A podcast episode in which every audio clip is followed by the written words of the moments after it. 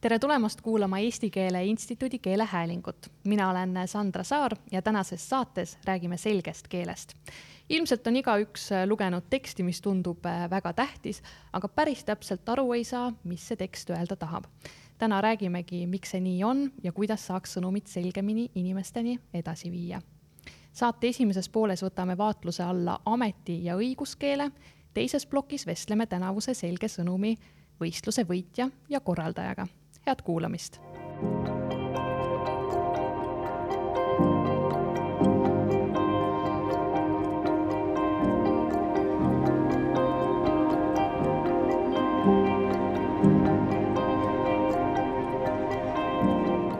tänases saates räägime lähemalt selgest keelest ja selleks on siia stuudiosse kohad sisse võtnud Margit Juhkam, Justiitsministeeriumi õigusloome korralduse talituse juht ja Arvi Tavast, Eesti Keele Instituudi direktor. tere tulemast! tere! tere! alustame võib-olla sellest, et kuna tänane saade keskendub ka selgele keelele, siis mis on teie jaoks üldse selge keel? Arvi, alustame siis võib-olla sinust. jah, hea meelega, et minu jaoks äh, selge keel on niisugune, mis saavutab oma eesmärgi. või niisugune keel, mida kasutatakse sellises suhtluses, mis saavutab oma eesmärgi. no et kui me juurast räägime, siis äh, sellise seaduse keel, mis on äh, inimesele, kes seda seadust täitma hakkab, arusaadav. või kui räägime mingi haldusdokumendi keelest kui kohalik omavalitsus saadab tädimaalile kirja, et siis äh, selge keel on niisugune, milles on kirjutatud see kiri, millest tädimaali aru saab. Margit, mis sinu jaoks on? ja no ma olen absoluutselt nõus sellega ja võib-olla lisaks veel äh, selle juurde, et, et üks nagu sellise selge keele saavutamise eeldusi on siis see, et see kiri siis, mis sellele tädimaalile läheb, väljendab ka sellist empaatiat, on ju, et et on murest aru saadud ja pakutud sellist arusaadavat lahendust, on ju, et et just selle lugejaga arvestamise aspekt on nagu kõige määravam ja olulisem minu jaoks. Hästi palju heidetakse Eestis vähemalt ametnikele ja ka õigus, õigusega seotud inimestele ette seda, et tahetakse kõiki asju hirmus keeruliselt ja hästi täpselt äh, rääkida. Margit, miks tahetakse nii keeruliselt äh, sõnu seada? ma arvan, et ei taheta, et äh, ja see põhjus, miks võib-olla mõned mõned siis tekstid on keerulised, et seal võivad väga erinevad põhjused olla, on ju, et kui me räägime õigusakti tekstist, siis õigusakt ise võibki olla väga keerulise ülesehitusega võib-olla, on ju, et et me võime saada aru konkreetsest normist, aga õigusakti tekst ise oma süsteemsuse poolest võib olla ei äh, aita nagu kaasa sellele, et me kohe mõistame seda, et me võime selle ühe normi ära äh, lugeda ja sellest aru saada, aga siis tulevad, äh, tuleb kohaldamisalast mingisugune täpsustus, tulevad rakendussätetest mingisugused täpsustused, et mul ei piisa ainult sellest ühest osast lugemisest näiteks, on ju, et, et, et seda süsteemsust tuleb taibata. ja kui vaadata ametnike kirju, ametikirju, vastuseid pöördumistele ja kui seal on sellised äh, keerulised, äh, keeruline väljenduslaad, siis selle põhjuseks võib olla näiteks see kas või et, et ametnik äh, tahabki isikule väga täpselt, ammendavalt kõike vastata ja võib-olla koormates liigselt seda teksti siis nende erialaste terminitega ja kui see adressaat ei ole sellega väga harjunud, siis tema jaoks tundubki see keeruline. Et siin ma arvan, et mitte kellelgi, ühelgi ametnikul ei ole soovi äh, kirjutada keerulist teksti äh, ja keerulisi vastuskirju ilmselt äh, tänases saates me päris palju puudutame ka sellist sõna nagu kantseliit, aga selleks, et me kõik oleks ühel lehel, Arvi, mis asi see kantseliit üldse on siis? hea küsimus, eriti, et seda just nimelt minu käest küsida. et kantseliidiks on peetud äh, mitmesuguseid asju ja võib-olla oleks kõige lihtsam läheneda selle kaudu, et mis kantseliidi põhjus on. ja üks levinud põhjus, mida igasugustes õpikutes äh, nimetatakse, on see, et äh, inimesed või, või suhtlejad, kellel selles konkreetses suhtlusolukorras ei ole juristide täpsust tegelikult vaja. üritavad väljenduda nagu juristid oma stiili poolest, selleks, et näida tähtsamad. selleks, et ainult selle vormiga üritada teha järgi kõrgemal sotsiaalsel positsioonil olevat juristide rühma et ma tahaksin olla ka nagu juristid ja seetõttu üritan oma sõnastuses äh, jäljendada juristide sõnastust. aga tegelikult seal taga seda vajadust ei ole, et, et, et kõik see süsteemsuse vajadus, mis näiteks seaduses on, et seda tolles äh, tädi Maalile saadetud kirjas või äh, riigiasutuse pressiteates või muus avalikkusele mõeldud dokumendis tegelikult vaja ei ole ja seal tegelikult saaks väljenduda lihtsamini Margit, näed sina kantseliiti samasugusena? no selles mõttes ma näen, aga mis ma tahtsin siin võib-olla kommenteerida, et, et tahetakse näida tähtsamana, et see kindlasti võib olla nagu ka üks võimalus, aga teisalt, kui siis äh, seda kirja koostab, nüüd vastuskirja koostab jurist, siis juristina ongi äärmiselt keeruline võib-olla äh, äh, nüüd tuua välja see tuum, millest äh, siis äh, kirjasaajal kasu oleks. Ja ilma, et mingeid nüansse eh, siis eh, tähelepanuta ei jäta. Et, et siin ongi nagu hästi oluline ka rõhutada võib-olla juristide väljaõppes või ametnike väljaõppes, et et, et just nagu see lugeja, lugeja nagu mõistmine, tema kingadesse enda asetamine, et mida ta tegelikult tahab, et, et kas siin nüüd on mingisuguseid õigus, õiguslikke tagajärgi toov kiri, kus peabki olema, on ju, kõik alused põhistatud, paragrahvid välja toodud, aga ka sellisel juhul on tegelikult võimalik alguses selgitada heas sõbralikus abistavas toonis, et miks ma kirjutan teile, miks ma, mi-, mis juhtub, kui te jätate mingi asja tegemata ja lõppu siis tuua need kohustuslikud ja väga täpsed normid näiteks, on ju, et et selles mõttes jah, ma arvan, et see ei ole alati nagu see, et, et kirjas koostaja tahab ennast näidata tähtsamana, vaid et noh, see ei pruugi olla nii taotluslik. no see oleneb jah, et millest me räägime, et ma üritasin vastata küsimusele, et mis on kantseliit ja vot mm. kantseliit on äh, kantseliit. niisugune läbinisti negatiivne asi mm.. see, kui jurist on oma kirjas täpne, see ju ei ole kantseliit, see on juura oskuskeel mm.. et, et kui jurist kirjutab äh, päriselt äh, tal on, tal on päriselt vaja seda täpsust, siis selle täpsuse tagaajamine on ju igati ootuspärane aga tore näide oli praegu, äh, selleks ei pea üldse tädi Maali olema, et juristist mitte aru saada, mina ausalt ei tea, mis on aluste põhistamine. ahah, no näed. mis see on siis? noh, selles mõttes, et, et kui on mingisuguse õigusliku olukorra väljendamine, et sa tood välja siis selle õigusliku aluse, millele sinu argumentatsioon väide tugineb. ma ütleks seda praegu niimoodi hoobelt ma otsisin ka ühe või leidsin ühe mõne aasta taguse näite, mida vist võib siis kantseliidiks liigitada ja mis, mis oli siis ühe asutuse vastus ühele mm, ajakirjanike järelpärimisele. ja ma loen selle lõigukese ette, see kõik on üks, üks lause asutus avaldab kahetsust käesoleva asjade käigu üle, kuid antud juhul puudus asutusel muu valik, kuivõrd asutusel on vaja tagada lepinguga tellitud tööde nõuetekohast jätkuvat teostamist piiratud ajaressursi sees kus on antud lepingu täitmisega seonduvalt olulisel määral kaotatud ka aega vaidlustele, mis ei ole kuidagi aidanud kaasa tähtaegselt püstitatud tulemuste saavutamisele ja mis üldises plaanis on keskendunud sellele, kuidas asutus peaks aru saama töö eesmärkidest. kuigi asutus on lepingulises suhtes tellija ja järelikult ka see, kes on pädev ütlema, milles seisneb tellitud töö ja mis töö vajab tegemist kas te saite aru, mis siin taheti öelda? ei, ja ma kujutan juba vaimusilmas ette, kuidas äh, minu kolleegid keeletoimetajad sellest äh, teevad ilusa, äh, ma ei tea, kahe, äärmisel juhul kolmelauselise väikse tekstijupi. jah, no oleneb, mis on selle tekstijupi eesmärk. mina arvan küll, et ma sain aru. ja mina teeksin sellest ühe üsna lühikese lause. ärge segage. jah, et ärge segage, me teeme oma tööd Äh, oli see tegelik sõnum, mulle tundus. Et äh, see, see üritati peita kõigi selle aluste, aluste põhistamise ja, ja äh, igasuguste tähtsate väljenduste taha. Ähm, seal isegi oli mulle üllatavalt, oli üks sõna sees.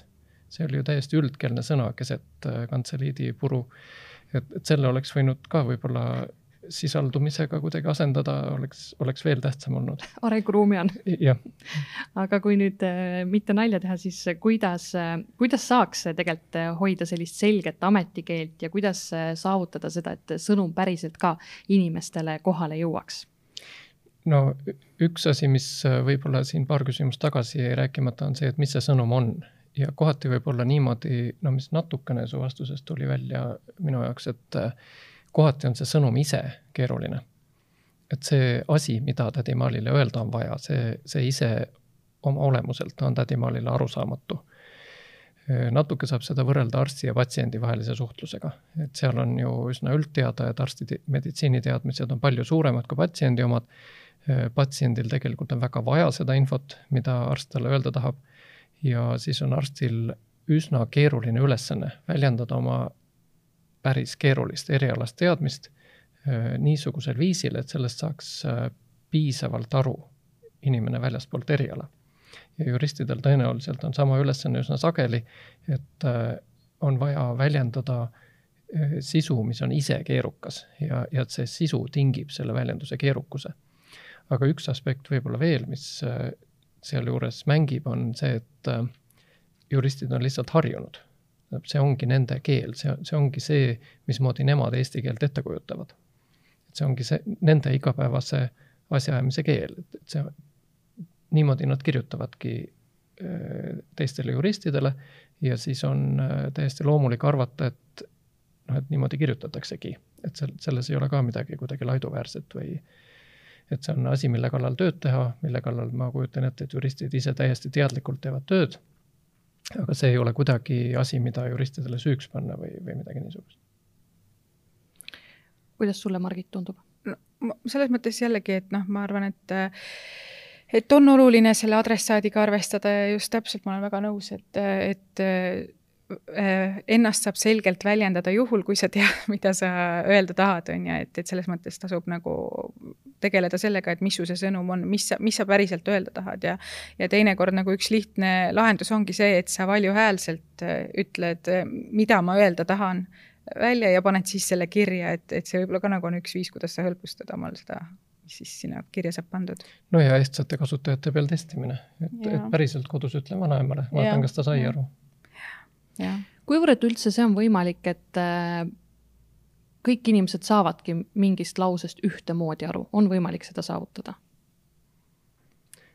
väga hea küsimus ja, ja see oleks küsimus võib-olla juristidele, et äh, kuidas juurapraktikas äh, tegelikult välja näeb, näiteks kohtute praktikas, et kui levinud on see olukord, et inimesed päriselt saavadki erinevalt aru ja kui palju peavad kohtud tegelema selle erinevalt arusaamise silumisega või, või ühisele arusaamale jõudmisega. Vot sellist ülevaadet minul jällegi ei ole, on ju, et kuidas, kuidas selline kohtus selline praktika on, aga aga jah, eks selles mõttes sellega tuleb vaeva näha, on ju, et, et, et seda arusaamist oleks, et ma tean, et et kas Päästeametil äkki on äh, teadlastega koostöö, et kuidas äh, üks, üks, kahe siis neid, kes seal telefonidele vastavad ja abiootajad äh, teineteist paremini mõistaks, et see on kindlasti nagu üks huvitav projekt ja, ja selle tulemusi saab tegelikult laiendada, ma arvan, ka muudesse valdkondadesse mingisuguseid üldiseid järeldusi see on jah, toredasti äärmuslik projekt, sellepärast et need helistajad sageli on ju stressis. Mm. ja seal on äh, lisaks kanalimüra, seal on äh, taustamüra ja et see, see on nagu üks huvitavamaid kohti äh, suhtluse selguse seisukohalt tõesti. Aga enne siin juba jutu sees käis läbi see, et kui juristid üksteisega räägivad, siis tõenäoliselt nemad saavad väga hästi aru isegi sellest keerulisest keelest, et mida mõeldud on miks tavainimesele see keel keeruline tundub? mina arvan seda, et äh, ma ääremärkusena ütlen, et äh, jurist juristist ei pruugi ka alati aru saada, et see nali, et on äh, kaks juristi, kolm arvamust, on selles mõttes ju igapäevane nähtus. Aga et ma arvan, et üks põhjus, miks õigus, kui me räägime õigusaktidest nüüd, et äh, õigusakti keel keeruline, on see, et need valdkonnad ise, mida me reguleerime, mida õigusaktis reguleeritakse, on keerulised. et äh, võtta siin igasugused, ma ei tea, liftide regulatsioonid veterinaarseaduses, ma soovitan kuulajal kuulajal vaadata Riigi Teatajast veterinaarseaduse paragrahvi kuuskümmend üks et, äh, et noh, need teemad ise on väga keerulised, äh, krediidiasutuste valdkonna regulatsioonid äh, äärmiselt keerulised. ja noh, see on nagu üks põhjus, miks, miks see keeruline on, teine on see, et normid on täis termineid, millele vastab siis omaette maailm ja mõnikord need terminid võib-olla ei vasta sellele, mis me kõnekeeles siis räägime. et. oskad sa kohe mõne näite ka tuua? No ma ei tea, mulle meeldib äh, väga see näide, mis ajaga nagu ei ole väga muutunud, on näiteks see firma, äh, ettevõte ja ettevõtja on ju, et, et õigusaktides me oleme kokku leppinud nende terminite sisus, aga tavakeeles kasutatakse neid pisut erinevas tähenduses. samamoodi võib tuua näiteks, äh, kui me regulatsioonides on kirjas parvlaev, siis ma lähen ikkagi Saaremaa praamile, eks ole et, et noh, neid näiteid selles, selles mõttes on. Ja need terminite teema ja, ja just ka siis see seaduse süsteemsuse teema, et sa võid vaadata, et norm on eesti keeles kirjutatud, sa saad sellest aru, aga teha sellest järeldusi, et see näiteks ka sinu elulistele asjaoludele vastab ja sul kaasuvad selle siis normiga mingisugused õigused või kohustused, ei pruugi kohe sul nagu sellist järeldust anda ma tean, et ajakirjanikke hästi palju ajab segadusse see, et tapmine ja mõrv on tegelikult äh, eri, eri asjad. et kõnekeeles need võivad justkui tunduda samatähenduslikud sõnad, aga tegelikult ei ole ja siis on hästi palju probleemi, et mis see konkreetne juhtum nüüd oli, et kas oli tapmine või mõrv noh, see sõltub sellest siis, et kas seal ajakirjanduslikus tekstis on seda vahetegu siis ilmtingimata nagu vaja teha ka, on ju, et. aga sageli nagu... tahetakse, et tehakse just. ja siis tuleb seda täpsust taga ajada et igal juhul, näiteks üks näide, mis on, on äh, siin kriisiteemade puhul on ju, et on eriolukorra väljakuulutamine, aga meil kuulutati ka hädaolukordi välja, hädaolukord välja, et aga õigusaktide järgi hädaolukorda välja ei kuulutata, et noh, et selline termini täpsuse ja väljendi, väljendusviisi täpsus on ju, et kas ta nüüd äh, on selles mõttes äh, oluline või mitte, et kui mina juristina loen äh, siis teadet, et hädaolukord kuulutati välja, et siis mul riivab see kõrva, aga ma arvan, et äh, tavalehe lugejale, noh, ta sai aru, et mingi jama on me väga kenasti jõudsimegi juba kriiside teemani, viimased aastad on äh, meid raputanud väga erinevate kriisidega, kus, kus siis tuli eriti hästi esile see, et sõnumid pididki olema selged. Arvi, kuidas sa hindad äh, nende möödunud kriisidega nüüd, kui selgelt suudeti sõnumeid edastada? siin on nüüd äh, natukene otsustamise küsimus, et, et mida selleks selguseks pidada ühest küljest äh, need sõnumid nägid silmatorkavalt head välja. kõik need, et äh, kanna maski või pese käsi või, et need on nii toredad, lihtsad äh, sõnumid, need justkui peaks olema inimestele arusaadavad. seda tahaks isegi osata, nii, nii lihtsat, selget väljendust tahaks ise osata oma valdkonnas. ja ma tean, et selle taga oli ka päris põhjalik töö nii keeleinimeste kui ka sisuinimeste päris põhjalik mõtlemine, et, et mismoodi väljenduda niimoodi, et olla kriisis sellele samale stressis inimesele võimalikult lihtsasti arusaadav. aga teisest küljest meil on ju äh, ikkagi alles äh, maskivastased, kuigi väga lihtsalt neile öeldi, et kanna maski äh,. on olemas vaktsineerimise vastased, ehk siis äh, kui ees, kui, kui selleks kriteeriumiks, mille järgi hinnata suhtluse selgust, on see, et kas see põhjustas kuulajas mingisuguse seisukohtade muutuse või mitte, siis näiteks äh, ütlus kanna maski kohe kuidagi ei mõju äh, maskivastasele niimoodi, et ta hakkaks maski kandma. et selles mõttes nagu ei saavutanud vähemalt äh, mõnede ühiskonnarühmade juures see kommunikatsioon oma eesmärki. aga kuidas seda nüüd veel lihtsamaks teha, kuidas teha see lause veel lihtsamaks võrreldes lausega kanna maski, niimoodi, et inimesed hakkaksid maski kandma, mina ei kujuta ette. pigem võib siin olla jällegi mingisugune empaatia teema, et äh, oleks vaja just rohkem selgitust, oleks vaja rohkem mõistmist, et miks need inimesed ei kanna maski ja siis neile just nimelt pikemalt, just nimelt keerukamalt seletada. aga kas seda ei tehtud? Äh, küllap tehti jah, äh, aga kui me võtame kriteeriumiks või noh, selleks edu kriteeriumiks selle, et kas siis hakati kandma või mitte, et siis äh, paraku tulemus on see, et mitte kõik ei hakanud. see muidugi tundub natuke utoopiline ka, et kõiki inimesi saada ühtemoodi käituma, et võib-olla tulebki arvestada sellega, et kõik inimesed ei allugi nendele ja alati on neid nii-öelda teisiti mõtlejaid siis. loomulikult, ma sihin peamiselt sinna, et mis saaks olla selgekeelsuse kriteerium. Et kui me ei räägi siin mitte vältimatult äh, koroonast, mitte vältimatult maskide kandmisest, on ju, vaid räägime äh, selgete sõnumite võimalikkusest. et siis äh, see sõnum oli ühest küljest väga lihtne, lihtsas keeles esitatud, üsna kahtlusteta kõigile keeleliselt arusaadav, isegi neile, kellel eesti keel ei ole emakeel. Aga sellegipoolest ta ei mõjunud mitte kõigile, et, et siit loomulikult olen nõus, et alati kõigile ei saagi mõjuda aga minu, mind huvitav küsimus on see, et mida me siit selle selge sõnumi kohta järeldame. et, et kui ma teen hästi selge sõnumi, aga ta sellegipoolest ei mõju, et siis mis sellest kasu oli, et ma tegin hästi selge sõnumi? et võib keeruliselt ka öelda? äkki, äkki on niimoodi, et keeruliselt oleks saanud täpselt sama tulemuse, ma ei tea seda oleks huvitav testida, aga kriisiolukordades vist ei ole see koht, kus seda teha.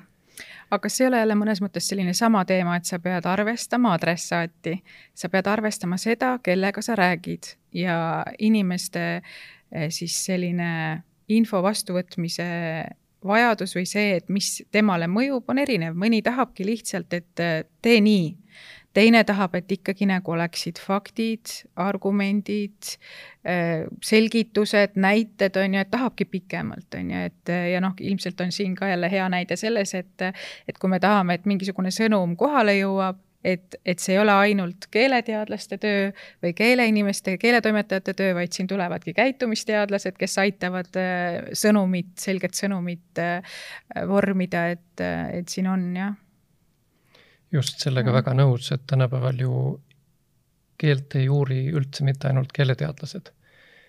ise olin äh, Tübingenis postdoktorantuuris psühholoogide juures, kes uurivad keelt, äh, keelt uurivad needsamad käitumise teadlased, kognitiivteadlased, sotsioloogid, infoteoreetikud, kõik uurivad keelt mingisuguste aspektide alt. ja sellega loomulikult väga nõus, et äh, sihtrühmaga arvestamine oleks võib-olla paremgi loosung kui keele selgus. sest äh, keel ei ole selge iseenesest. noh, see äh, igasuguste lingvistiliste kriteeriumide järgi ütlus, et kanna maski, on väga selge. aga kui ta siis mingitel psühholoogilistel, sotsioloogilistel, ajaloolistel ja nii edasi põhjustel ei täida oma eesmärki, siis, siis need, need põhjused peituvad just nimelt seal äh, sihtrühmaga arvestamises et äh, see konkreetne kõneleja ei saanud hakkama selle konkreetse kuulaja ümberveenmisega. mitte, et see keeleline väljend ei olnud ebaselge hiljaaegu räägiti hästi palju või on räägitud hästi palju sellest, et Kaja Kallas tegi hiljuti enne Aktuaalset Kaamerat pöördumise, kus ta siis, mis põhimõte, mida ta ju tegelikult öelda tahtis, oli see, et äh, olge valmis, et võib tulla elektrikatkestusi, aga hästi palju heideti ette, et see sõnum sealt ei tulnud nii hästi välja, sellepärast et ümberringi oli tohutult palju muud äh, müra tema jutus. kuidas teile endale tundus, äh, kui te kuulasite seda? päris põnev ülesanne selles mõttes, et mina noppisin sealt neid erinevaid sõnumeid välja ja ja võib-olla, kui ma nüüd panen ennast Kaja Kallase kingadesse, et siis äh, võib-olla ta arvestas ka äh, mitmed, äh, noh, see olukord sel hetkel oli ju keeruline, on ju, et arvestas mitmete adressaatidega, et ta võis ju arvestada nendega, kes Eestist lähevad, vastavad nendele mobilisatsioonikutsetele, ehk et seal oligi võib-olla mitmeid sõnumeid või mitmeid nagu adressaate, on ju, et, et ma ei tea, mina mina selles mõttes sain sealt nendest sõnumitest aru, et. jah, sest ega me ju tegelikult ei tea, mis oli Kaja Kallase suhtluse eesmärk. kas ta just. tahtis edastada sõnumit, et olge valmis elektrikatkestusteks või või midagi veel. või, või äkki midagi veel, just nimelt midagi hoopis tege-, tegelik sõnum oli midagi mobilisatsiooniteemalist või, või või hoopis mingisugune diplomaatilise suhtluse osa oli see, millest meiesugused üldse midagi ei jaga, et, et saadeti mingeid peeni sõnumeid kuhugi Euroopa Liidule ja NATO-le, ei tea ju justiitsministeerium äh, on viimasel ajal pidanud tegelema ka sellise temaatikaga nagu punamonumendid. ja see on ka üks teema, mis hästi palju ühiskonnas on kirgi kütnud. kui palju teie Justiitsministeeriumis äh, selle teemaga tegeledes olete mõelnud äh, või arutanud selle üle, et, et sellega seonduv oleks arusaadav, et, et see, et mida te teete, oleks arusaadav inimestele? kui rääkida eelnõu ettevalmistamisest, eelnõu koostamisest ja noh, selle eelnõu puhul võib öelda, et kõik toimub ikkagi nagu päris sellise kiire aja, ajaraami juures, et mitte sellise tavapärase õigusloome tempo juures.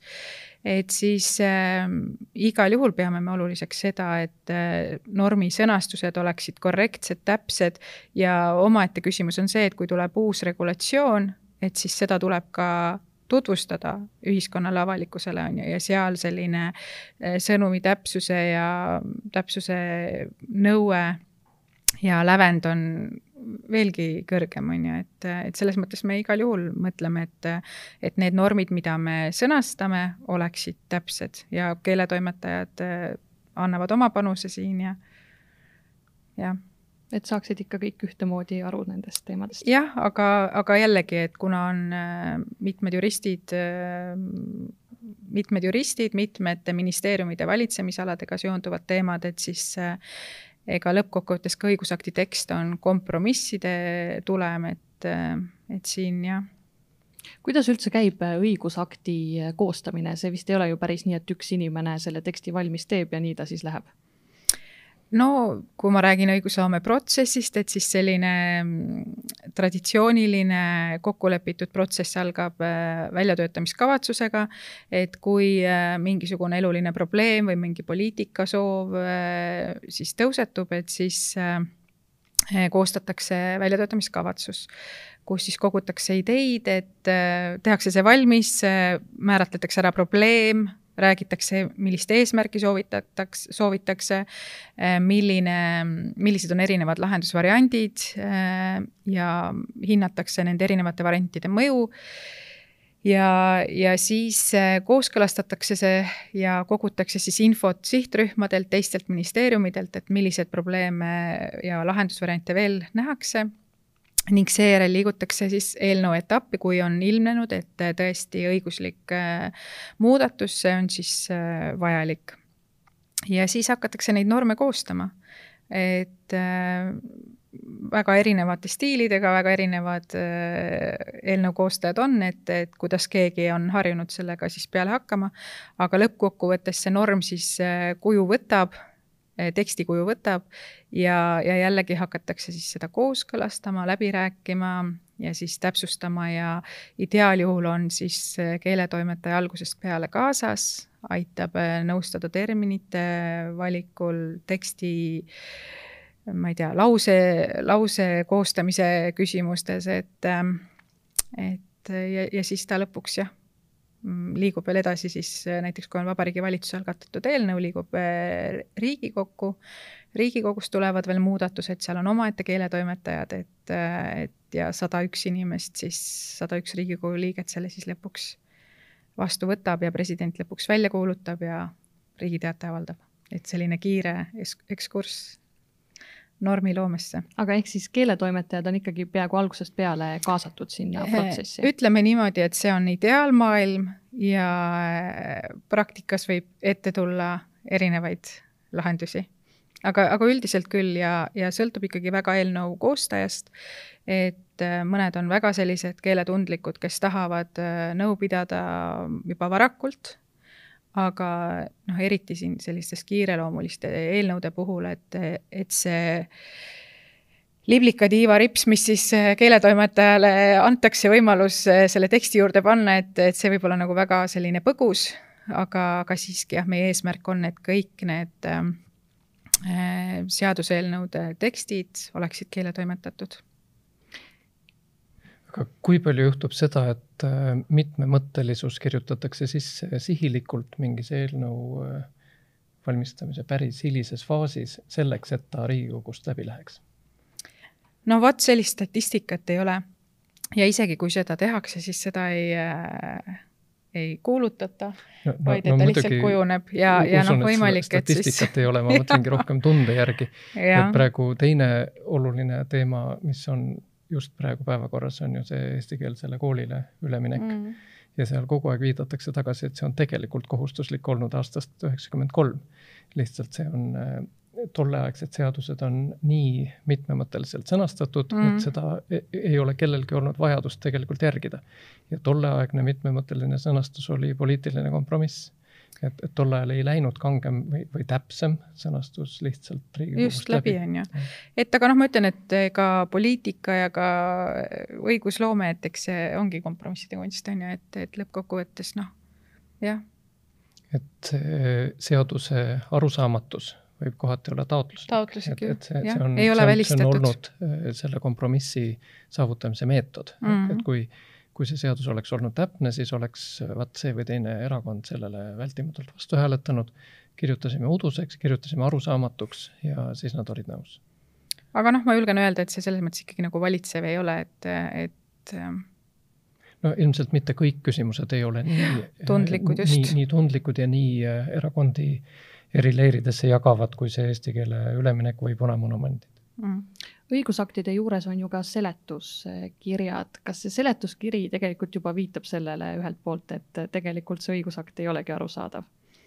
Mina ei ütleks, et selles mõttes see seletuskiri, seletuskirja minu arvates põhieesmärk on tagada seda, et, et selgitada, miks me ka midagi tegime, miks, mis on need, nagu need taustad, sest norm on ikkagi väga abstraktne, lakooniline ja seletuskirja eesmärk on illustreerida ja näit-, näitlikustada siis on ju, et millised näiteks erinevad elulised olukorrad võivad selle normiga olla siis nagu mõjutatud, on ju, et et ma julgen julgen öelda, et, ähm, et seletuskirjal on selline abistav funktsioon, aga ta ei ole kindlasti selle tõttu, et äh, meie aktid vajavad nagu mingisugust sellist täiendavat äh, ma ei tea, siis põhjendust, et selles mõttes õigusaktide puhul on ju äh, seaduste kommenta-, kommenteeritud väljaanded väga, väga tavalised, on ju, et sest kohtupraktika lõppkokkuvõttes võib mõjutada mingisuguse normi tõlgendamist ja, ja jah aga põhimõtteliselt peaks seda õigusakti lugedes ka tavainimene aru saama, et mis on tahetud öelda?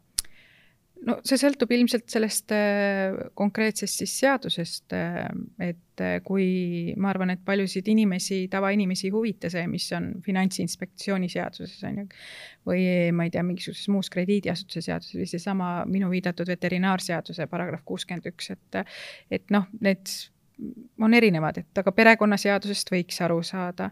samas pärimisseaduses äh, ilmselt on vaja ka teada natukene meelde tuletada matemaatikat, on ju, et äh, kui seal mingi, kuidas see pärimine kõik toimub, on ju, jagu, pärandi jaga, jaga, jaga, jagamine, et et, et see sõltub nagu konkreetsest aktist.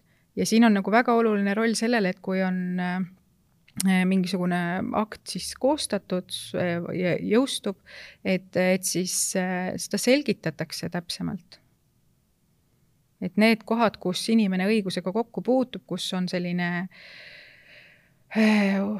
olulisem mõju, et siis seal on ka sellist rohkem selgitustööd. no ja lisaks peaks vist rõhutama, et seletuskirja nimi noh, see sõna seletuskiri ise on natuke eksitav, sest see dokument ei sisalda mitte ainult seletusi, vaid ka näiteks mõjuanalüüsi mm. -hmm. olen just äsja lugenud sellesama kooli keele ülemineku seaduseelnõu seletuskirja, mis oli kaheksakümmend lehekülge, päris niisugune töömahukas lugemine ja millest mälu järgi umbes pool oli mõjuanalüüsid.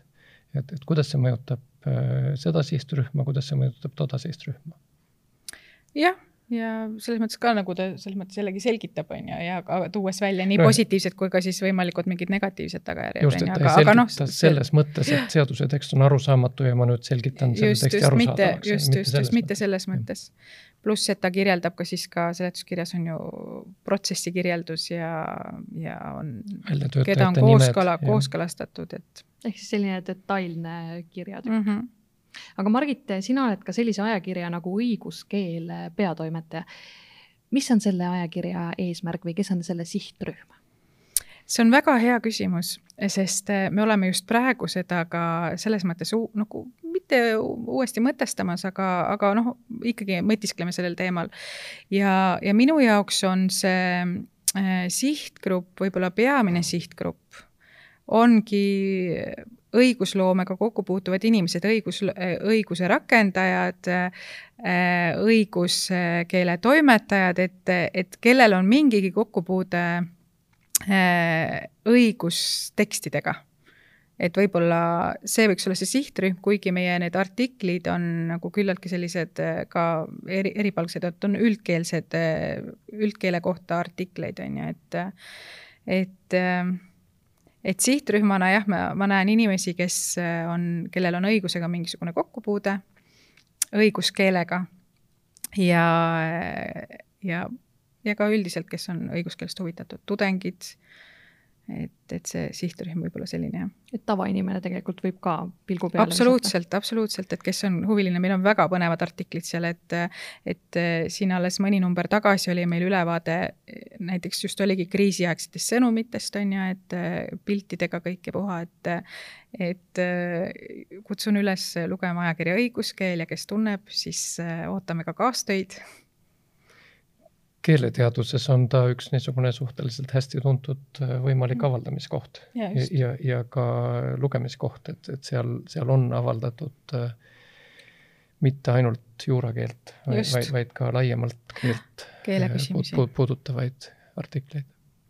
Te mõlemad olete enda valdkonnas päris pikalt tegelikult juba töötanud ka, et kui te vaatate ajas tagasi, siis kui palju on üldse muutunud see, et mõeldakse selle peale, et keel oleks selgem ja et sõnumid oleksid selgemad. kas on ajaga toimunud mingisugune positiivne muutus? ma ei tea, võib-olla sina oskad paremini, sa oled jälginud seda, sest noh, ei oska nii suuri järeldusi. üks muutus, mida võib-olla on näha, on sellesama kasutajaga arvestamise poole, mida võiks nimetada ka niimoodi, et suurem teadusepõhisus ja teadus nüüd mitte selles mõttes, et ma pean olema teadusasutuses või ülikoolis tööl, vaid selles mõttes, et ma olen äh, uudishimulik. et ma tõepoolest uurin, et ma mitte ei oleta, kuidas inimesed seda teksti mõistaksid, vaid ma lähen ja katsetan.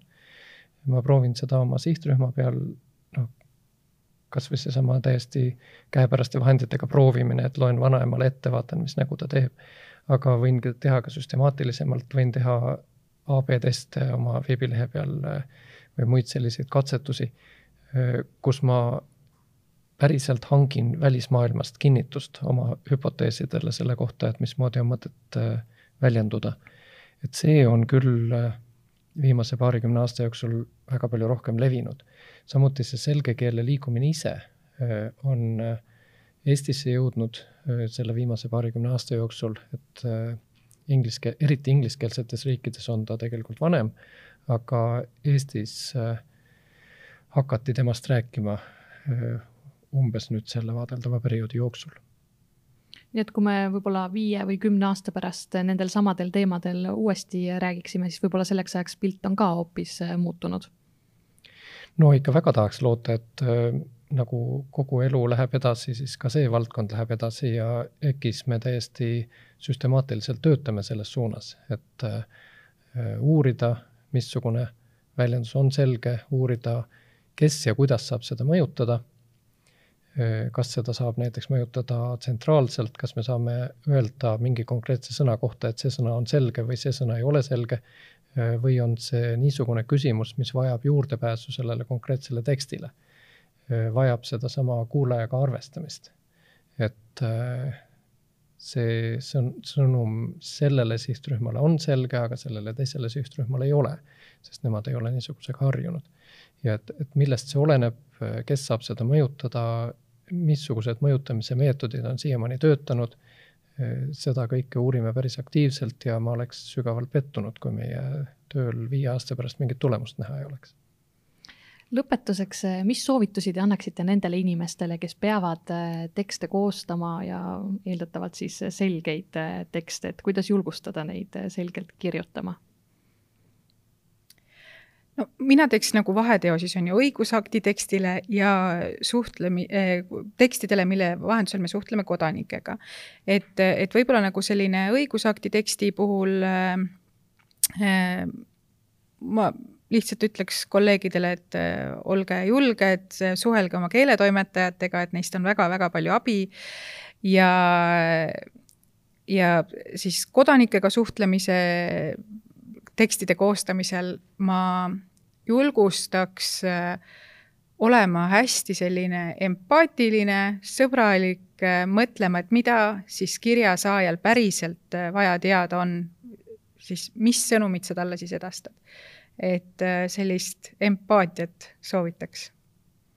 jah, täpselt sama, äh, ainult laiendaksin seda, äh, noh, kuna mina ei ole piiratud juuraga, eks ole, või, või nende riigi ja kodaniku vaheliste suhetega, siis tegelikult täpselt sama ülesanne on, on ju igasugusel kirjutajal. isegi kui inimene kirjutab isikliku blogi eesmärgiga oma brändi ehitada. Või, või kui ta kirjutab oma ettevõtte blogi eesmärgiga seda ettevõtte, selle ettevõtte tooteid äh, paremini müüa, siis neil on täpselt sama ülesanne olla arusaadav, äh, mõjutada oma kuulajat mingis äh, endale meelepärases suunas, noh, kas või informeerimise suunas, kui, kui mõelda arsti ja patsiendi vahelisele suhtlusele, et kui arst kirjutab populaarsesse meditsiiniajakirja midagi haiguste ennetamise kohta, siis tal on täpselt sama ülesanne olla arusaadav ja selle juures äh, minu meelest pädevad kõik need tavalised äh, kirjutamis, kirjutama õppimise soovitused. esiteks loe palju, äh, loe nii palju, kui vähegi jaksad, eelistatult loe selliseid tekste, millele sa tahad sarnaneda. et kui sa tahad tädi Maalile arusaadavalt väljenduda, siis loe neid tekste, mida loeb tädi Maali, ära loe neid tekste, mida loevad juristid või, või mida loevad arstid, et kui sa tahad patsientidele arusaadav olla, siis loe neid tekste, mida loevad patsiendid. ja teiseks, kirjuta julgesti, ära karda, eh, noh, see tühja lehekülje kramp on ju, et eh, ära karda kirjutama hakata, kirjuta, katseta eh, ja tasapisi läheb see paremaks Need on head soovitused, millega otsad kokku tõmmata. aitäh, Margit Juhkam ja Arvi Tavast täna stuudiosse tulemast. suur tänu. aitäh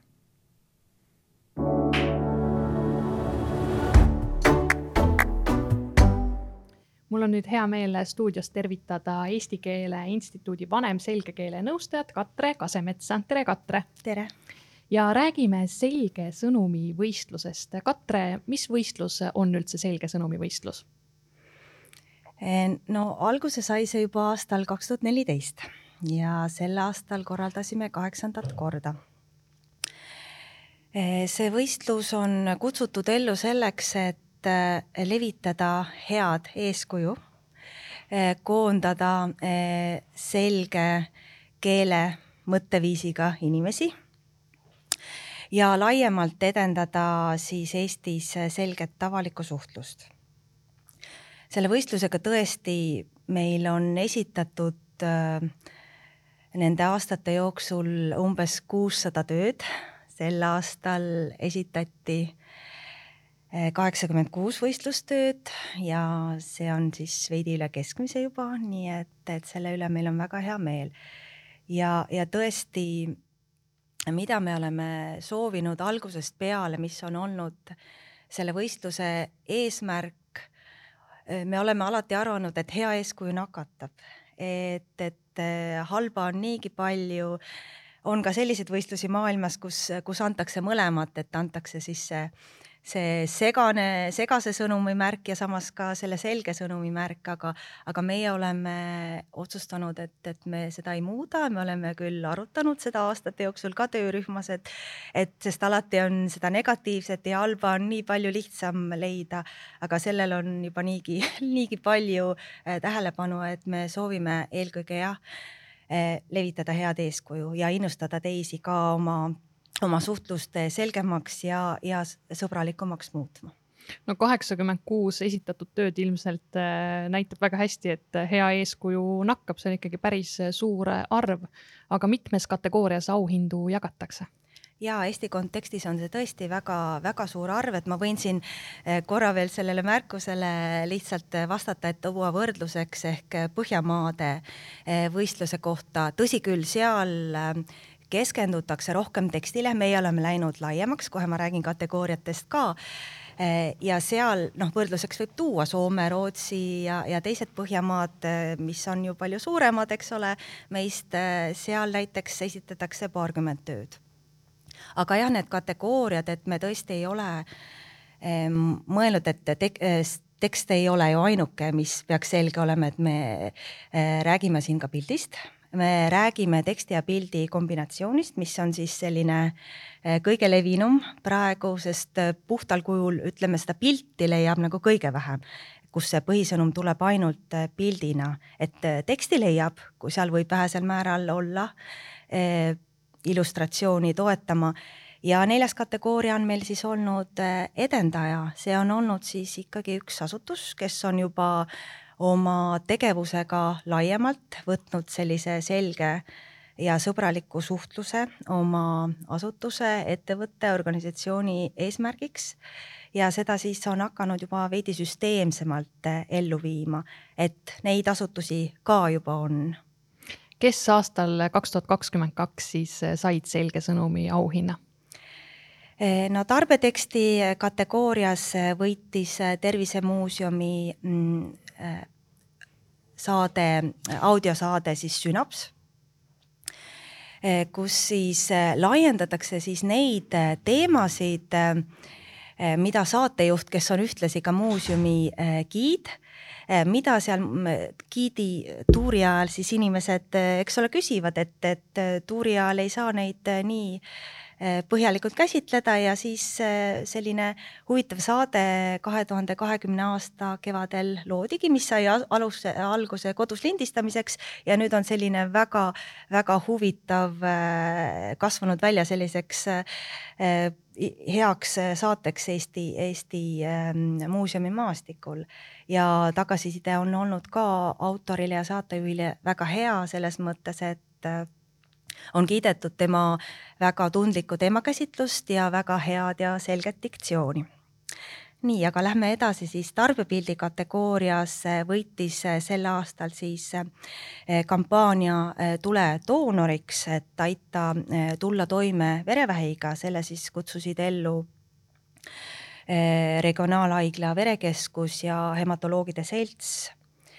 Ja see on siis ähm, pildina selline huvitav, ähm, ütleme selline huvitav ja julge ja provotseeriv katse, et kujutatakse siis meie neid tarbeesemeid seal, aga pildil on seal hoopis veri, et, et äh, siis selle patsiendi jaoks on see äh, veri, just see doonorveri äh, tarbeese, mida tal on vaja ellujäämiseks, et selline äh, julge provotseeriv lahendus, mis siis loodetavasti köidab tähelepanu ja aitab ka siis rohkem äh, doonoriks olema inimesi ja, ja, ja siis nende tegijatega rääkides juba tagasiside oli ka see, et see on tõesti äratanud tähelepanu ja, ja tagasiside on olnud see, et, et tõesti neil on rohkem inimesi tulnud seda verd loomutama nüüd äh, siis äh, äh, tarbeteksti ja tarbepildi kategooria, mis siis on nende kahe koos,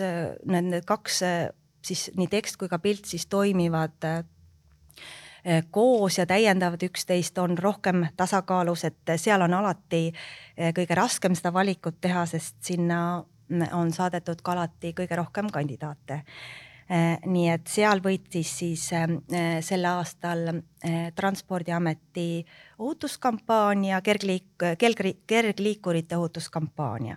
et see oli siis suunatud sellele, et kui sa tõuksiga sõidad, siis ole kaine sõida üksi ja, ja rahulikult, sobival kiirusel siis. et kuna see nähtus on siiski suhteliselt uus meie linnapildis ikkagi veel siis äh, sel ajal, kui jälle see hooaeg algab, siis on hea neid asju, neid küll üsna lihtsaid asju, aga ikkagi meelde tuletada niimoodi, et nad ka siis selle tõukeratta kasutajale linnapildis hästi silma hakkaksid.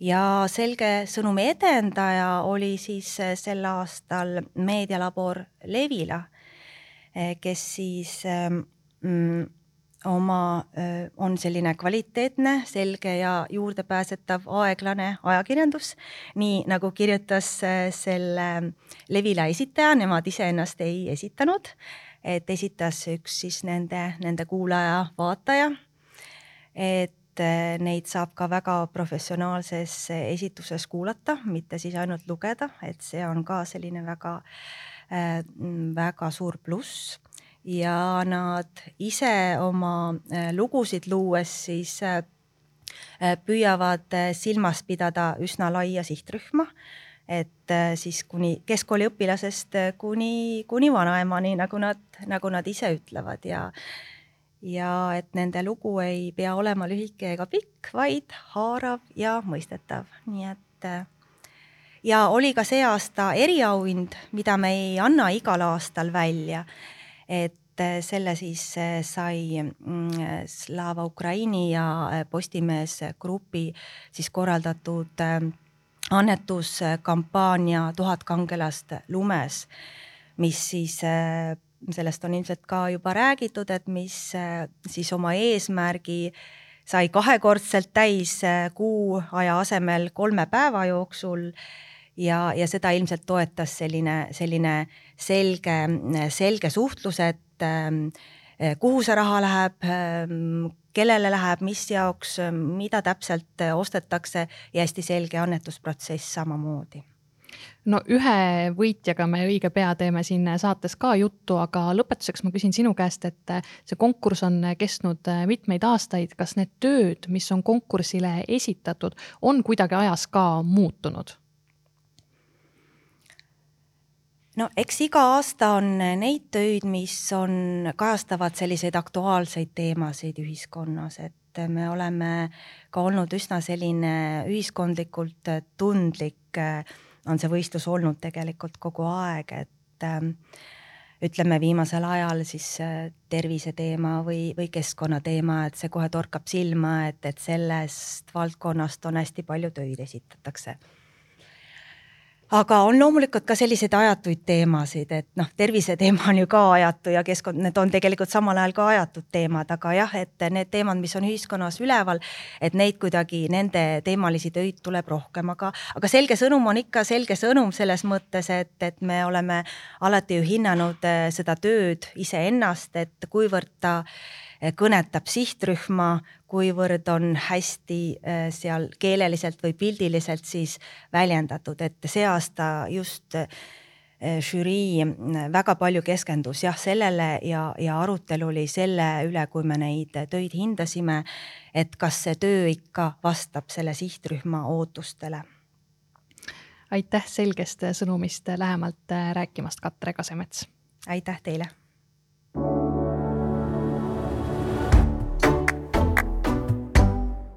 mul on nüüd hea meel tervitada stuudios Levila juhti Daniel Vaarikut, tere Daniel! tere! ja tuleb õnne soovida, sellepärast et Levila on äh, selge sõnumi edendaja tunnustuse pälvinud, palju õnne! aitäh, see on väga lahe tunnustus. mis see tunnustus sinu jaoks tähendab? no mõnes mõttes see oli heas mõttes üllatus, et me ju ise tahame kogu aeg rääkida nagu lihtsamalt, et äh, mina, mina ise arvan ka, et et on hästi palju probleeme sellest, et asjatu keeruline, asjatu keerulisus saadab kõiki nagu selgitusi ja, ja igapäevaelu nagu asju meil Eestis ka, et äh, alates sellest, et äh, meie seadused ei ole alati selged, aga lõpetas sellega ka, et sa teed ajalehe lahti või mingisugune saidi lahti või hakkad midagi kuulama ja seal räägitakse midagi sellist, et sa lihtsalt olemata asjatundja ei saa aru.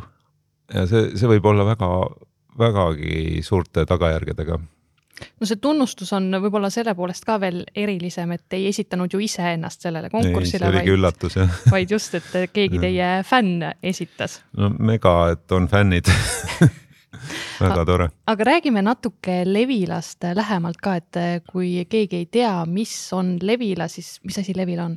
no me teeme hästi palju lugusid Eestist ja Eesti inimestest ja me teeme seda igas vormis, nagu me võime teha video, dokumentaalfilme, äh, kuuldemänge ja, ja siis ka lugusid. nii et me oleme ajakirjandus, et selle kõige nagu klassikalisemas mõttes ka. Äh, meie alustasime kaks tuhat üheksateist lõpus nagu uue siis ajakirjandusväljaandena ja võtsime üsna suure ülesande hakata tõesti tegema kolme eri tüüpi asju nagu video, audio ja, ja siis äh, tekstid ja tänaseks me oleme neid ikkagi mingisugune mitusada juba tootnud. sa oled ise ju pikalt ajakirjanikuna töötanud ja sam... mitte väga pikalt aga sa oled ikkagi töötanud selles olen, vallas olen, ja pluss sa oled ka teisel pool ehk siis kommunikatsiooni ja. vallas olnud, et miks sa tundsid, et on vaja sellist uut ja teistmoodi meediaväljaannet Eesti meedia väljale? No oli natuke selline umbne tunne, kõigepealt oli umbne enda nagu sellises äh, nii-öelda selles konsultandi rollis, mulle tundus, et ma ei leia enam seal huvitavaid nagu asju, mida teha. et äh, ja teiseks mulle tundus, et see, mis äh, praegu huvitavad asjad toimuvadki mujal. Ja, ja mulle tundub, et ajakirjandus on üks koht. Et on küll tihti räägitud, et ajakirjandus äh, kuidagi on äh, noh, et seda ei saa muuta ja ta ongi selline, nagu ta juba tükk aega on olnud, et siin on kliki pealkirjad ja, ja, ja noh, need ärimudelid, mis on, on ju. aga mina olen täitsa veendunud, et praegu on just see aeg, kus saab muuta. ja, ja see tekitas mul sellise tunde, et ma tõesti tahaks proovida uuesti ajakirjandusse nii-öelda tagasi tulla kuidas nüüd tundub, kas oled saanud selle muutuse ellu viia, mida sa tahtsid viia? ellu viia, see tähendab nagu oleks valmis, et seda ei ole, aga et meil on olnud mitu asja, mille puhul me tunneme, vot seda me tulime tegema, et et see tunne on nagu väga-väga lahe, kus saad aru, et nüüd see juhtus, mida me tahtsime, et me suutsime rääkida väga erinevate inimestega, et see lugu jõudis nagu mitte ainult Tallinnasse, vaid see jõudis kuhugi, ma ei tea, Tõrvasse, Vastseliinasse, Pärnusse, igale poole. ja no üks selline hästi huvitav näide on see, et me teeme natuke koostööd Lux Expressiga ja meil on üks äh, dokumentaalfilm ühest Afganistanis äh, tegutsenud Eesti üksusest, mis kandis kõige rohkem kaotusi ja siis ühe meie töötaja ema ütles, et ta oli sõitnud Lux Expressiga ja kõigil ekraanidel oli see meie film. et, et see nagu minu jaoks oli nagu üks lahedamaid kujundeid nagu kuulda keda te ise Levilas enda sihtrühmana olete kaardistanud? vot see ongi see asi, et me oleme, elame hästi sihtrühmastatud äh, maailmas ja sihtrühmadega nii-öelda tegutsemine nagu toimib, aga kui need ajada väga kitsaks, siis ta hakkab killustama. et noh, meil ongi siin ma ei tea, mingisugused väga konkreetsed vanusegrupid, väga konkreetsed äh, tüüpi inimesed, äh, huvid, no ma ei tea, keegi on nagu Ketsi fännid nagu vanuses see ja see. me teeme neile nii-öelda sisu ja, ja siis äh, see kõik tähendab seda, et need Ketsi fännid justkui ei tarbi kunagi sama lugu, mida tarbib näiteks mingisugune kolmekümne kuue aastane mingisugune raamatupidaja. ja mulle tundub, et äh, kui see, noh, see nagu töötab ühest küljest, aga teisest küljest see killustatus on nagu see, mis, mis ei ole nagu lõpuni hea ja, ja siis äh, meie olemegi läinud natuke vastuvoolu, et me ei mõtle otseselt nagu sihtrühma peale, vaid me mõtleme selle tunde peale, mida meie lugu võiks inimestes nagu esile kutsuda. ja, ja see tunne on inimese tunne, et see ei ole enam ainult sihtrühma tunne, eks ju, et see on nagu see, et me kõik oleme võimelised tundma nagu kurbust või, või me oleme kõik võimelised tundma rõõmu. ja me proovime seda laiendada, noh loomulikult me saame aru, et sellel on piirid, et sa ei saa täpselt samasugust asja teha nagu erinevatele inimestele, aga me proovime äh, teha, et alati vähemalt kaks sihtrühma ja noh, näiteks teeme midagi noortele, siis me mõtleme alati, et noh, äkki nad saavad seda koos vaadata vanematega, aga see peab nii ka olema, et see noor ei tunne, et see on nagu nõme ja, ja vanemad tunnevad, et nad nagu justkui saavad aru. et see on see, mida me proovime leida nagu see tundub päris äh, raske väljakutse olevat. aga seda on õnnestunud saavutada, näiteks seesama äh, dokfilm Estkoi kaheksa Afganistani veteranidest, et selle puhul paljud inimesed ise ütlesid, et esimest korda nad tundsid ka filmis osalejad või nendega nagu sarnasest kohast tulevad inimesed ütlesid, esimest korda nad tundsid, et on mingi sihuke selline asi, mida nad võib-olla ei ole oma perele isegi rääkinud, aga nüüd see on nagu väljas. ehk siis, kui sa mõtled, see ongi, sa said rääkida nagu oma lugu nendele, kes on siis saatusekaaslased, aga saab perele said ka rääkida. ongi kohe kaks sihtrühma tegelikult. Ja, ja noorte lugudega meil on ka, et, et meil on tegelikult popmuusik Manna rääkis, tegi omaenda elust mõned lood meile. Need on siis nagu teksti ja audio kujul ja need siis me sai, kuulsime, kuidas nii vanemad kui teismelised mõlemad pooled nagu suutsid neid nagu lugeda ja olid sellest mõjutatud. Levilat võib pidada aeglaseks äh, ajakirjanduseks, mismoodi aeglane ajakirjandus vastandub sellele nii-öelda uudisvoole, mis me iga päev. see on nüüd see, et me tegelikult ise ei pea see on nii naljakas, et, et meil on äh, lugusid, mis on sellised äh, kaua tehtud ja nad võivad olla mitmeosalised ja pikad, et võib nagu tunde kuulata aga see ei ole nagu eesmärk, see tempo ei ole meie eesmärk, meie, meie eesmärk on hoopis see, et oleks huvitav. ehk siis, kui on näiteks ka seitsmeminutiline video, mis ei võta ju elust palju või, või isegi kolmeminutine video. ja, ja kui see on huvitav, siis ta võiks olla meil ja me lihtsalt võib-olla alustasime sellega, et meil oli esimesed lood olid nagu, nagu vägagi pikad ja me jätkame ka nendega, sest me ise usume, et pikad lood on väga head. aga see nagu ei ole meie nagu on jah, meil on aeglast ajakirjandust ja me proovime seda teha võimalikult hästi. aga see ei tähenda, et me ei prooviks teha sinna vahele selliseid natuke kiiremaid asju, aga võib-olla, mis seda aegluse asja veel natukene siiski õigustab meie puhul on see, et äh, väga paljude asjadega me teeme ikkagi hästi kaua tööd, et isegi kui ta on nagu, nagu tarbida kiire ja tempokas, noh, näiteks praegu ilmub meil raamat eelmisest presidendist ja mõte on see, et ta on kiire ja tempokas, aga seda on ette valmistatud viis aastat.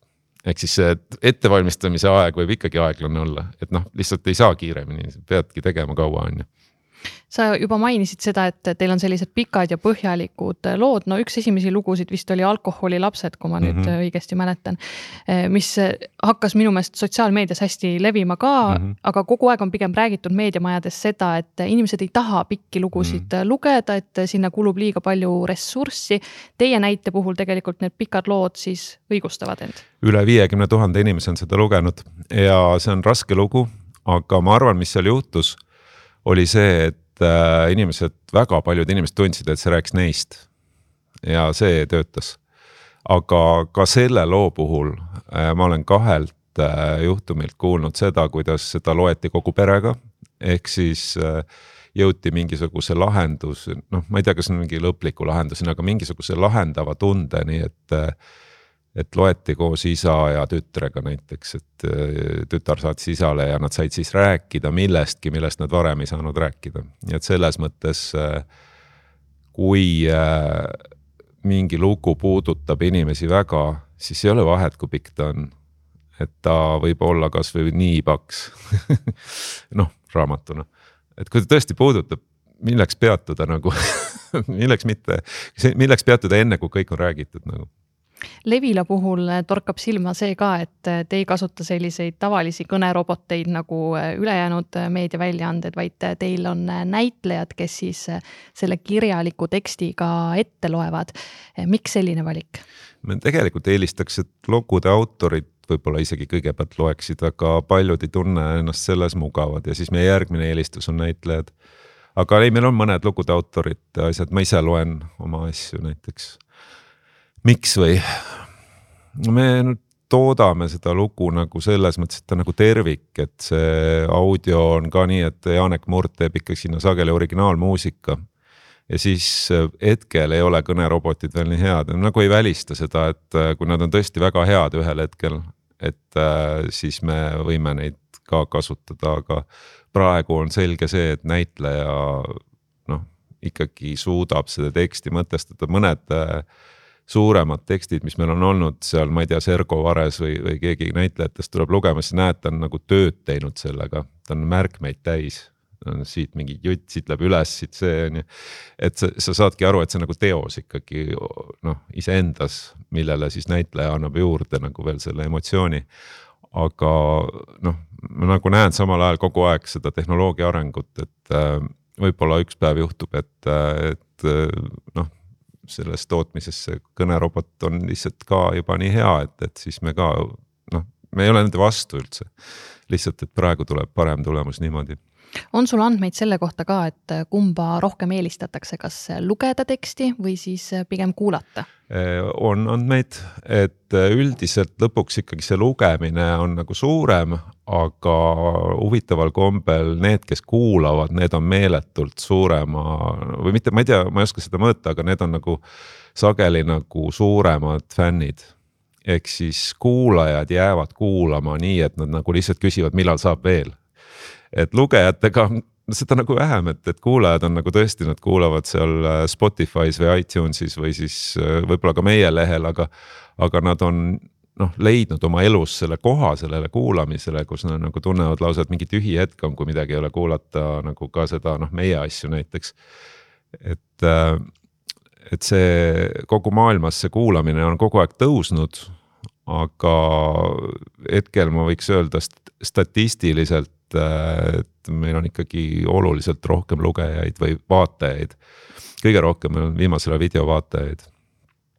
et, et siis äh, see audio on, aga seda nagu see tagasiside, mis sealt tuleb, see on kõige soojem alati inimesed on kuidagi elavad selles loos nagu äh, tänu võib-olla kõigele sellele helile ja, ja näitleja tööle ja loole endale, kõigele nagu võib-olla saavad suurima elamuse kuivõrd äh, on Levilal mingeid selliseid äh, selgekeelsuse põhimõtteid, mida te järgite?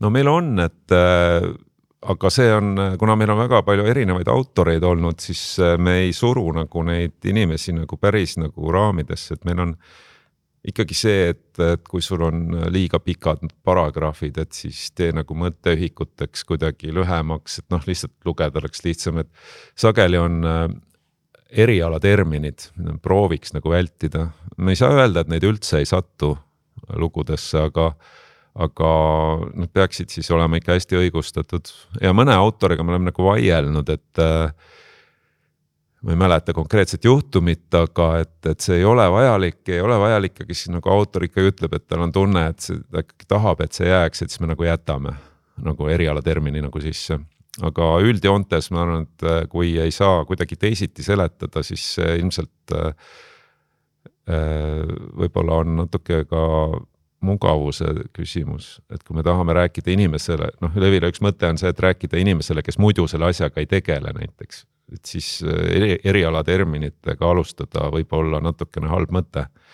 et tal on juba üks uks ees, mida ta peab rohkem nagu lükkama, on ju Teil Levilas ilmub ka tõlkelugusid, noh, nende mm. puhul on ka ilmselt natuke ikkagi keerulisem kohati tõlkida, kui lihtsalt nullist ise tekst valmis kirjutada. oi jaa, näiteks mõned meie Ukraina lood tulevad läbi kahe tõlke. et äh, meil on äh, meie töötaja Ukrainas Irina, väga hea ajakirjanik, et ta vahel on kirjutanud meile inglise keeles, siis me oleme tähendab, see juba tähendab, et tema tõlkis enda jaoks selle ukraina keelest inglise keelde ja siis meie oleme selle tõlkinud nüüd eesti keelde. ja meil on tegelikult Ukraina tõlgid ka olemas ja, ja see on nagu pikk lugu, aga väga huvitav on see, et tegelikult on kõige parem tõlkida otse ukraina keelest, sest et Ukraina tõlgid on hästi motiveeritud. Nad kirjutavad alati lõppu võidu nimel Levilal, nagu sa juba mainisid ka, on tegelikult noh, audiosisu, videosisu, kirjalik sisu, kui, kui te nüüd otsustate, et mingit teemat käsitleda ja panete paika, et teha seda mingis siis vormis, siis kuivõrd see vorm erineb teistest vormidest, et millised on need nüansid, mida peab tähele panema? et kui nagu video ja teksti võrdlus või? Mm -hmm. no see on ikka väga öö ja päev, et äh, video koosneb ikkagi võttepäevadest ja tohutust monteerimisest ja, ja samal ajal tekst äh, allikatega mingisugust, ma, ma ei, ma ei tea, seal on nagu noh, mõlemad võtavad aega, et ma ei, ma ei ütleks nii, et videolugu saab nagu kiiremini teha aga kogu see lähenemine ikka teine, tavaliselt on meeskond ka teine, et me tegelikult teemegi selle valiku selle järgi. et äh, kas meil on autor loole et kui autor tuleb video suunast, siis äh, tõenäoliselt läheb videoks ja, ja kui autor tuleb äh, teksti suunast, siis tõenäoliselt see läheb tekstiks. kuivõrd selline formaadi valik aitab ka selgele sõnumi edastamisele kaasa? no ma arvan küll, et esiteks on inimesed väga erineva noh, harjumusega, et meie Youtube'i vaatajaskond on nagu täiesti teine, ta on kümme aastat noorem näiteks kui meie kodulehe kasutajaskond. kui vanadest inimestest me räägime siis? kui ma peast ütlen praegu, aga et kui ma ütleks nii, et vist oli nii, et kolmkümmend viis kuni nelikümmend neli on meie Levila nagu see kõige suurem grupp, siis Youtube'is on kõige suurem kakskümmend viis kuni kolmkümmend neli aga sealjuures Youtube'is on esimese kolme seas on ka kaheksateist kuni kakskümmend neli.